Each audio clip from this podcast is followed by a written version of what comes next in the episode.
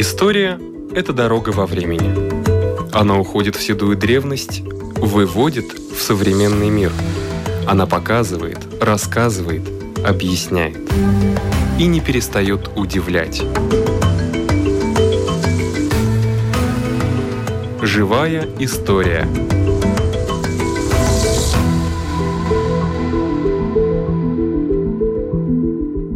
У микрофона Лидия Чера.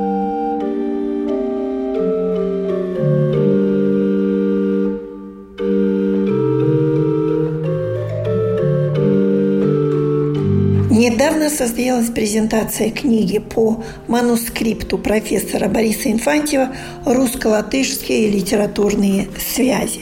Несколько слов об авторе. Родился в Резекне в 1921 году.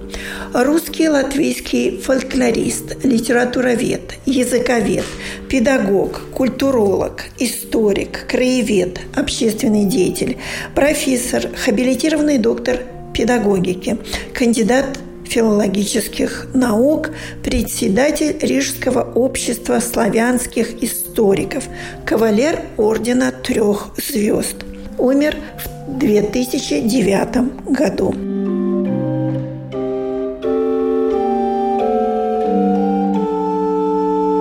Профессор Международной Балтийской академии Оксана Филина. Как методист, я тоже занимаюсь многие годы методикой преподавания литературы, может быть, даже отчасти с легкой руки Бориса Федоровича. Он в том числе был э, одним из рецензентов моей докторской диссертации, тоже посвященной методике преподавания литературы.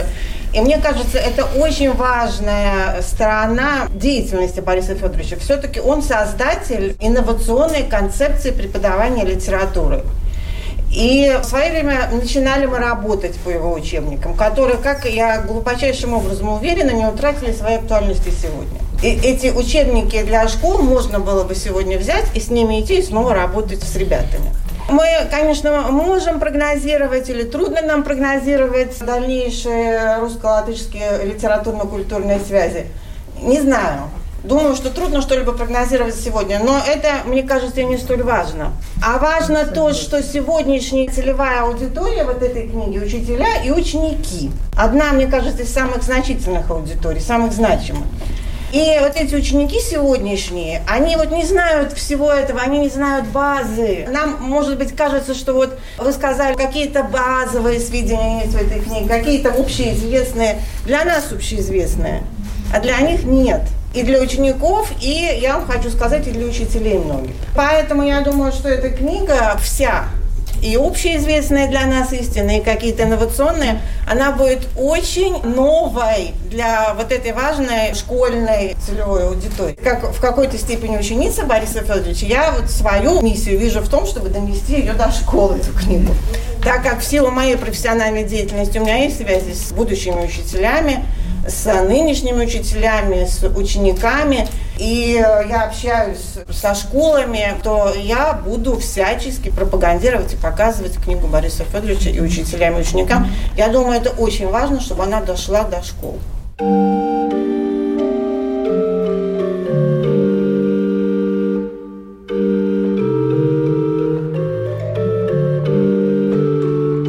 Борис Равдин. Я представляю Латвийское общество русской культуры. И мы в прошлом году издали подобный том, посвященный Юрию Ивановичу Абызу.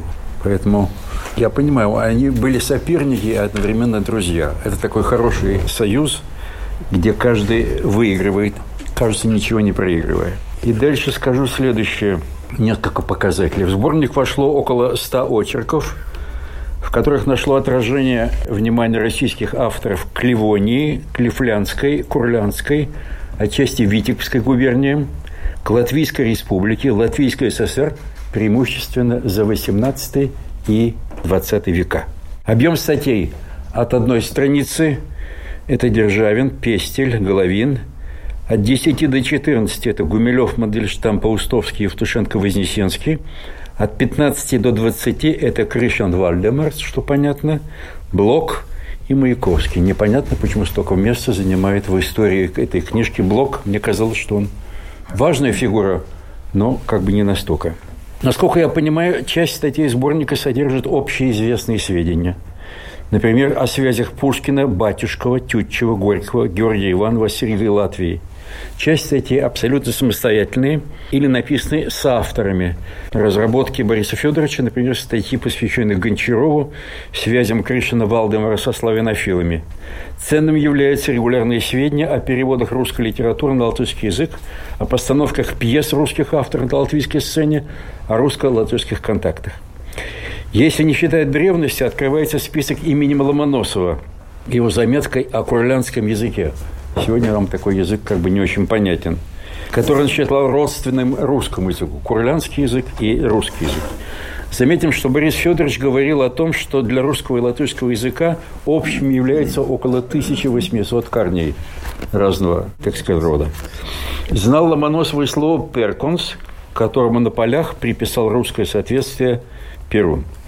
Заканчивается список имени Давида Самойлова, скончавшегося в 1990 году. На мой взгляд, можно было бы расширить раздел 60-х, 80-х годов XIX века, очень богатый для истории взаимоотношений между русскими не только авторами, но и издателями, редакторами, публицистами. Так сказать, медовый месяц взаимоотношений между младолатышами и славянофилами. Вспомню только фразу Раневской – против кого дружите. Известно, что младолатыши и славянофилы дружили против адзейских и не только адзейских немцев. Это очень интересная форма взаимоотношений. Дальше еще нужно было сказать что-нибудь о латышско-немецких связях.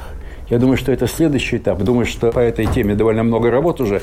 Но все равно упомянуть бы Борису Федоровичу о том, что связи были широкими. И непонятно, что будет дальше как будет развиваться латышско-саксонские, англоязычные литературы. Там много возможностей. Посмотрим. Но дальше скажу о перспективе взаимоотношений русской и латышских культур. Борис Федорович вообще человек довольно мягкий, и поэтому он довольно осторожно касался не всегда благожелательных фраз, реплик писателей в отношении Латвии. Тут можно заметить что-нибудь связанное с тем же Гончаровым, вы читали замечательные кусочки, но они имели в виду юмористический характер. А я узнал, что Гончаров был довольно такой иронический дяденька и довольно зубоскальный. И позволял себе в отношении вот этих дублов, где он жил, довольно много довольно сложных сюжетов. Это когда он писал великому князю Константину Романову, будучи века. А когда он обращался к Стасюлевичу, то его язык, его концепция этого места была совершенно иной. Гончаров – малоизвестный человек, хочу сказать. Только сейчас издается полное собрание сочинений Гончарова. Первые тома вышли тиражом вообще в 600 экземпляров. Это страшная история. Вообще-то Гончаров запретил писать и опубликовать свои письма, в которых мы найдем много интересного и про окружение Гончарова, и про самого Гончарова. Этот писатель еще, кроме Обломова, обрыва и обыкновенной истории, еще, в общем, нам много сюрпризов ожидает нас дальше. Дальше хочу сказать, что имеет ли шанс вот такого рода сборник, вот такого рода сборник, выйти, скажем, ну, в ближайшие 50 лет. Не говорю про сегодня, в ближайшие 50 лет. Значит, 21 год сборник не представлен – редко представленные 90-е годы, очень интересные в осмыслении новых событий в взаимоотношениях между Россией и между Латвией и переосмысление прежних лет и веков. Многие знают о неожиданном и, на мой взгляд, оскорбительном стихотворении Бродского на независимость Украины. Относительно Латвии ничего похожего на стихотворение Бродского я пока не нашел, хотя что-то отдаленное, близкое можно отыскать. Например, в стихотворении Нонны Слепаковой «Тоска по Юрмале», где страна подана через сорт пеклеванного хлеба и молочные продукты. «О даль пеклеванная в тминном затмении», «О сливочно-плотные чайки», «О Балтика, Юрмала, как-то все менее по вас ностальгия». Прощайте. Я думаю, что это слово «прощайте» в взаимоотношениях между русскими писателями или российскими писателями и Латвией и латвийскими писателями, в общем, нас ожидает ближайшее полустолетие. Дальше загадывать не берусь, но думаю, что в ближайшие столетия такого огромного всплеска внимания к Латвии со стороны русских писателей ожидать не приходится. И даже местные авторы, например, такая Елена Саран из Лепы пишет, «Я здесь чужая, я в порту не лазила, на каменных ступеньках нос не квасило, не било стекол, не порола чушь. не мерила заледенелых луж. Идя из школы ровно в пол второго, не встретила здесь мальчика Петрова. Он дурой тут меня не называл и в первый раз меня не целовал. Это для чувствительных лиц очень важное ощущение себя здесь, как дома, а не в гостях. Многие переходят из состояния дома из состояния дома в гости, из гостей в дом, и никак не могут понять, где же они находятся, дома или в гостях. Дальше. Говоря об этой работе Бориса Федоровича, я хочу вспомнить, может быть, не очень к месту, а может, к месту коллег, его предшественников и друзей, которые так или иначе представлены в этом сборнике. Это работы Вавры Мацкова, статьи и книги Юрия Абызова, работы Людмилы Васильевны Спроди и сотрудников кафедры. Напомним о работах Юрия Седякова, Владимира Никонова, не забыть бы вспомнить работы Сергея Журавлева, Игоря Гусева. Напомним еще имена вышедших из Риги сегодня иммигрантов Лазаря Флейшман и Романа Тименчика. А как забыть Даугавпилс на кафедре Федора Полектовича Федорова, Татьяну Фейгмана, основательницу замечательного фонда сайта «Русские кладки», Светлану Ковальчук, Сергея Мазура, Сергея Цоя. Как забыть Покровское кладбище, книгу, которую сделала Ведякина и Светлана Ковальчук. И как не назвать Дмитрия Трубецкого, видео и фото хроникера русской культуры в Латвии. Особо нужно отметить ближайшего коллегу Бориса Федоровича Александра Германовича Лосева, упомянутого здесь, соавтора Бориса Федоровича по книгам «Латвия в судьбе» и творчестве русских писателей и обращенной к Латвии строки русско-латышской литературной связи и так далее. Светлой памяти Бориса Германовича Борис Федорович посвятил свою статью. Еще раз надо всех нас поздравить с выходом сборника Бориса Федоровича. В общем, нашего полку прибыло. Спасибо.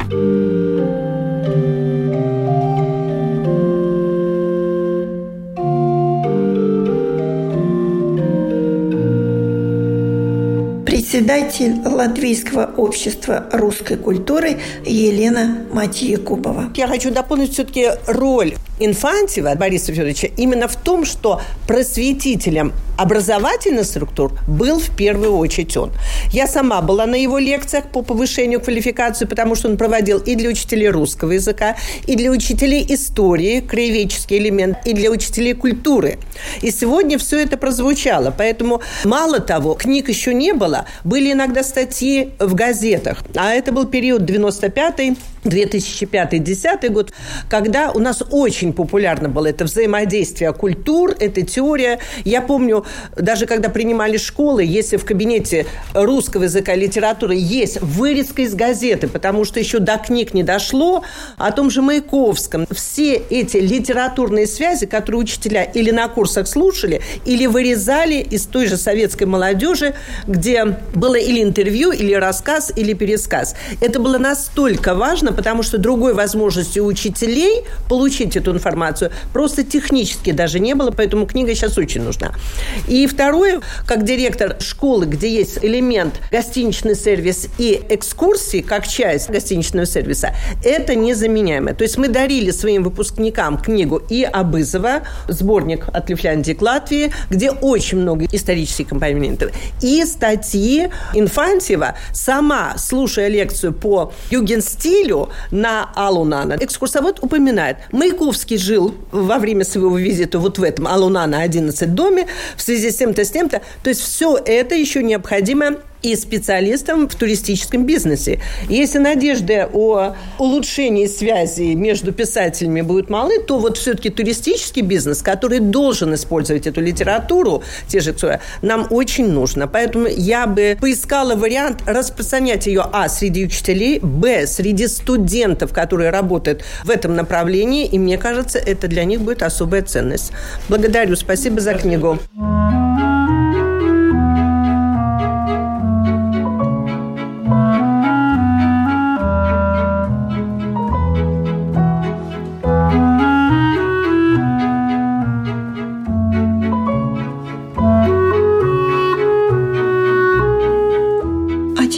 Слушаем продолжение рассказа об архитектуре Риги второй половины XIX века. Говорит профессор технического университета, хабилитированный доктор архитектуры Янис Крастинш. Примеры вот немецкого влияния Есть какие-то здания? Это очень интересный вопрос, поскольку э, современники Например, Эжен Лаубе, когда построил свои э, национальные романтичные дома, например, на улице Бривības 62, дом Вирша, Вирсиса, с очень высоким щипцом, э, с красивыми этнографическими орнаментами, которые действительно интегрированы в этой архитектурной основной форме. Эти здания имели какой-то такой немножко тяжеловесность, очень экспрессивной, объемной композиции. А когда он был построен, и фотография опубликована, э, в издании Рижского архитектурного общества «Jahrbuch für Bildenden Kunst», латышский художник и этнографист Юлис Модернекс сразу опубликовал критику. И он упрекал Лаубе, архитектора этого здания, что он не имеет собственный почерк художественный. Это антихудожественное произведение по существу воспроизводит или подражает немецким образцам. Он там видел немецкое влияние. Ну, это, конечно, всегда довольно спорно, поскольку и сам Лаубе тогда опубликовал статью, в котором он сказал, мы должны изучать собственное наследие народного искусства, но в то же самое время закрывать глаза против любого иностранного влияния. Все, что видим вокруг, мы должны переработать соответственно собственному духу. И тогда наша архитектура станет действительно национальной латышской архитектурой. Он, собственно, этого и сделал. Но не все это были способны воспринимать. В том смысле, конечно, мы видим какие-то общие черты этих национальных направлений архитектуры везде. Финская архитектура прямо повлияла на развитие латышской архитектуры начала 20-го столетия. Ну, немецкая в том смысле, что многие немецкие архитекторы местные они продолжали свои э, студии в Германии где-то, возвратились. Уже информационное пространство расширилось. Модерникс так и писал, Лаби слишком много смотрит в немецких журналах, и там влияет на него, он должен стать более самостоятельным. Из Германии у нас, наверное, так называемый перпендикулярный модерн, который очень типичный для большинства всех зданий стиля модерн или югенстиля в Риге, представляет именно это формальное направление – Например, архитектор Jānis Augsnis, который автор более чем 130 таких многоэтажных зданий в центре Риги, он в основном лишь в этом направлении работал. То есть эти фасады очень характерны с таким вертикальным членением. И они имеют эркера, в которых какие-то выдвинутые архитектурные детали поднимаются на высоте многих этажей. Они идут через эти простенки на уровне международных перекрытий, ходят поверх даже за ними помещенными орнаментальными рельефами и так далее. Например, отрезок, если представляете, улица Гертрудас между Кришан Барона и Тербац. Там на углу один национальный романтичный дом Александра Ванага, и потом три подряд идут такие здания, очень четко подчеркнуто вертикальными членениями в отделка архитектурного отделка фасадов. Там две по проектам архитектора Алкснеса и один там посередине Лаубе сделал. Это, в общем-то, в какой-то степени немецкое влияние. Это ходит уже от Средневековья. Готика была типично с этими вертикальными членениями. Но они использовали и здесь. И немецкие торговые здания очень типичны в Берлине. Полно было такими во время Второй мировой войны. Большинство разрушено, но тогда это все было очень известно. В этом смысле, в этом перпендикулярном модерне как раз немецкое влияние. А в национальном романтизме опять финское влияние мы видим. Ну, в целом это все переработано, так сказать, под местным сценарием. Это рижская архитектура, которая уникальна. И недаром это ценность мирового масштаба. Жаль только иногда, когда в контексте старинных красивых зданий входит какое-то модерное здание, и оно как бы но не вписывается. Вот что жалко. Ну, это во все времена было Или искусство, как вписать произведение архитектуры как в контекст и... среды.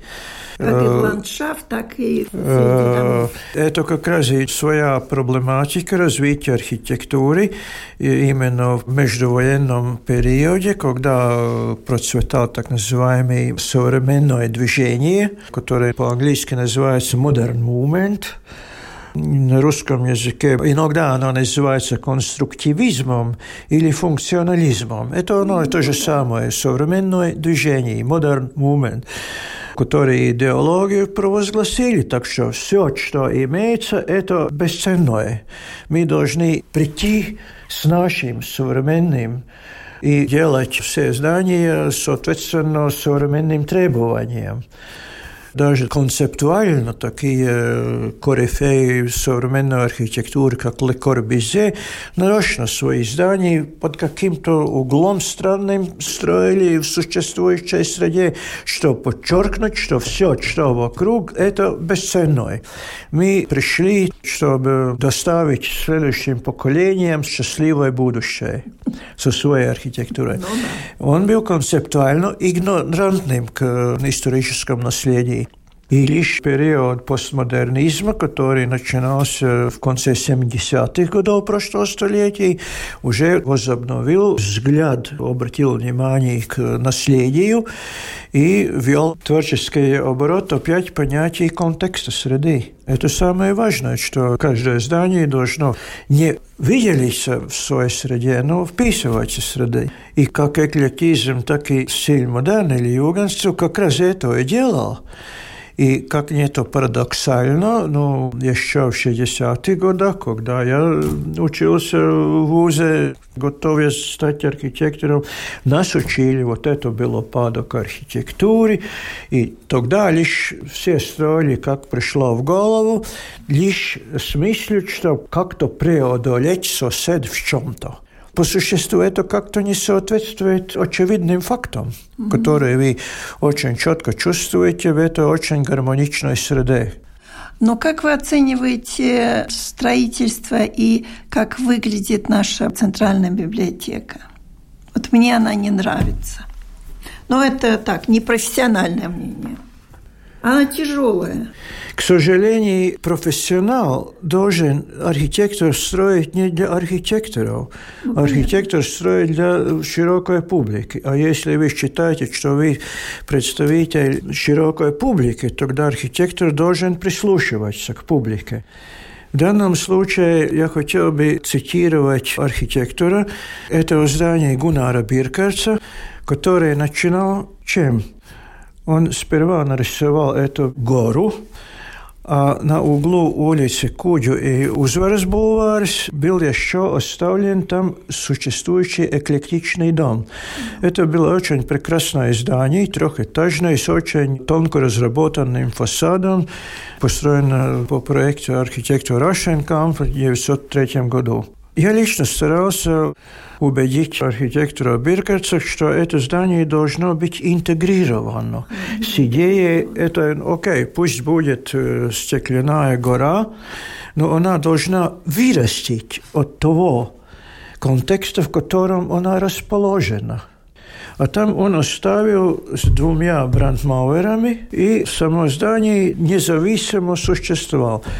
Я старался ему также убедить, как можно оно физически соединить в едином гармоничном единстве.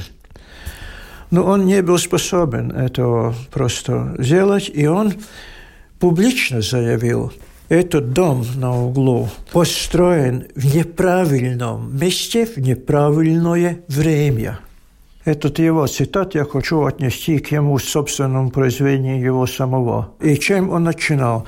Все постройки вдоль, там это не было единственное, но это было единственное очень ценное здание. Там было еще три здания вдоль улицы Кудю. Он все это снес и поставил эту гору абсолютно игнорантно ко всему обществу. Этот дом был элементом, который мог бы связывать эту новостройку с существующей средой. К сожалению, Биркерц это не был способен сделать. Ну и на его профессиональности судите сами по пристройке музея оккупации которая, я извиняюсь, абсолютно дилетантская постройка, которая не имеет ничего общего с архитектурой. Это примитивная коробка, которая прилеплена даже концептуально, игнорантно к среде. Ну, вдоль улицы Грецини, фасад там под каким-то э, углом, абсолютно игнорируя весь контекст окружающей городской среды. Есть свои ошибки у архитекторов тоже, к сожалению. И это, в принципе, все знают. Потому что, как вы правильно сказали, архитекторы работают для людей. Да, кстати, еще один раз я тоже слышал, в трамвае езжает один отец э, с ребенком, примерно 5-6 лет, и вдруг он спрашивает, папа, почему у этого здания нет угла? Вот так. История очень интересная была. Когда Биркерт нарисовал э, этот дом, он еще был э, в какой-то расстоянии от этого снесенному э, ему здания на углу. И он прилепил с угла эту пещерообразную пристройку, которое крыло физически накрывает то место, где существовал существующий дом, для предлога, что был бы какой-то смысл его снести. И э, действительно, это самоутверждение самого архитектора самому себе, не больше. Хотя и возможность самой идеи вначале, что такая гора выращивается из контекста, была возможна. Но, к сожалению, архитектор, наверное, не был способен просто видеть, где он работает и как он работает. Там еще есть целая куча других элементов довольно анекдотичного уровня. Например, служебные помещения вдоль улицы Валгума. Там в фасаде есть такие углубленные полосы.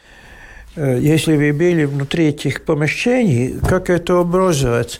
Над окном, еще под потолком каждого помещения, такой ну, да, внутри, потолке, и да. другое окно заходит, просто сужает э, внутреннее пространство. В то же самое время от стороны фасада это углубление, там должны быть закрыты сетками и так далее, иначе там разные птицы делают гнезда, и это абсолютно непрактично. Так же, как и Невозможно, да. Ну, архитектор имеет такую идею. И когда строили библиотеку, был возведен такой макет там рядом, в масштабе да. один к одному, одному фрагменту самого здания. И там эти помещения были реализованы. И в нем этот нижний потолок этого вступления снаружи ага, был на уровне примерно метр семьдесят от пола. То есть на уровне э, лба роста. человека. Это даже опасно, скажем так. Биркер зашел, это была собственно его идея а, наверное, слишком низко, ну, ну, ну, делайте чуть выше. Даже не верится, что профессионалы могут такие глупости делать в архитектуре. Зато у нас очень приветствовалась его активность в Латвии. Ну что ж, Я не стесняюсь эти слова произвести, поскольку мы видим, к сожалению, мы старались даже как-то повлиять на эту пристройку музея оккупации, но там. Как парадоксально, ну, латышские миграционные круга очень защитили идею Биркарца, считали гениальным. Кто-то провозгласил его гением. И почему-то, так сказать, рассуждать неспособные люди это воспринимают всерьез. Спасибо за беседу. Как я просила, чтобы просветили. Меня просветили, моих слушателей, которые вместе будут слушать эту программу.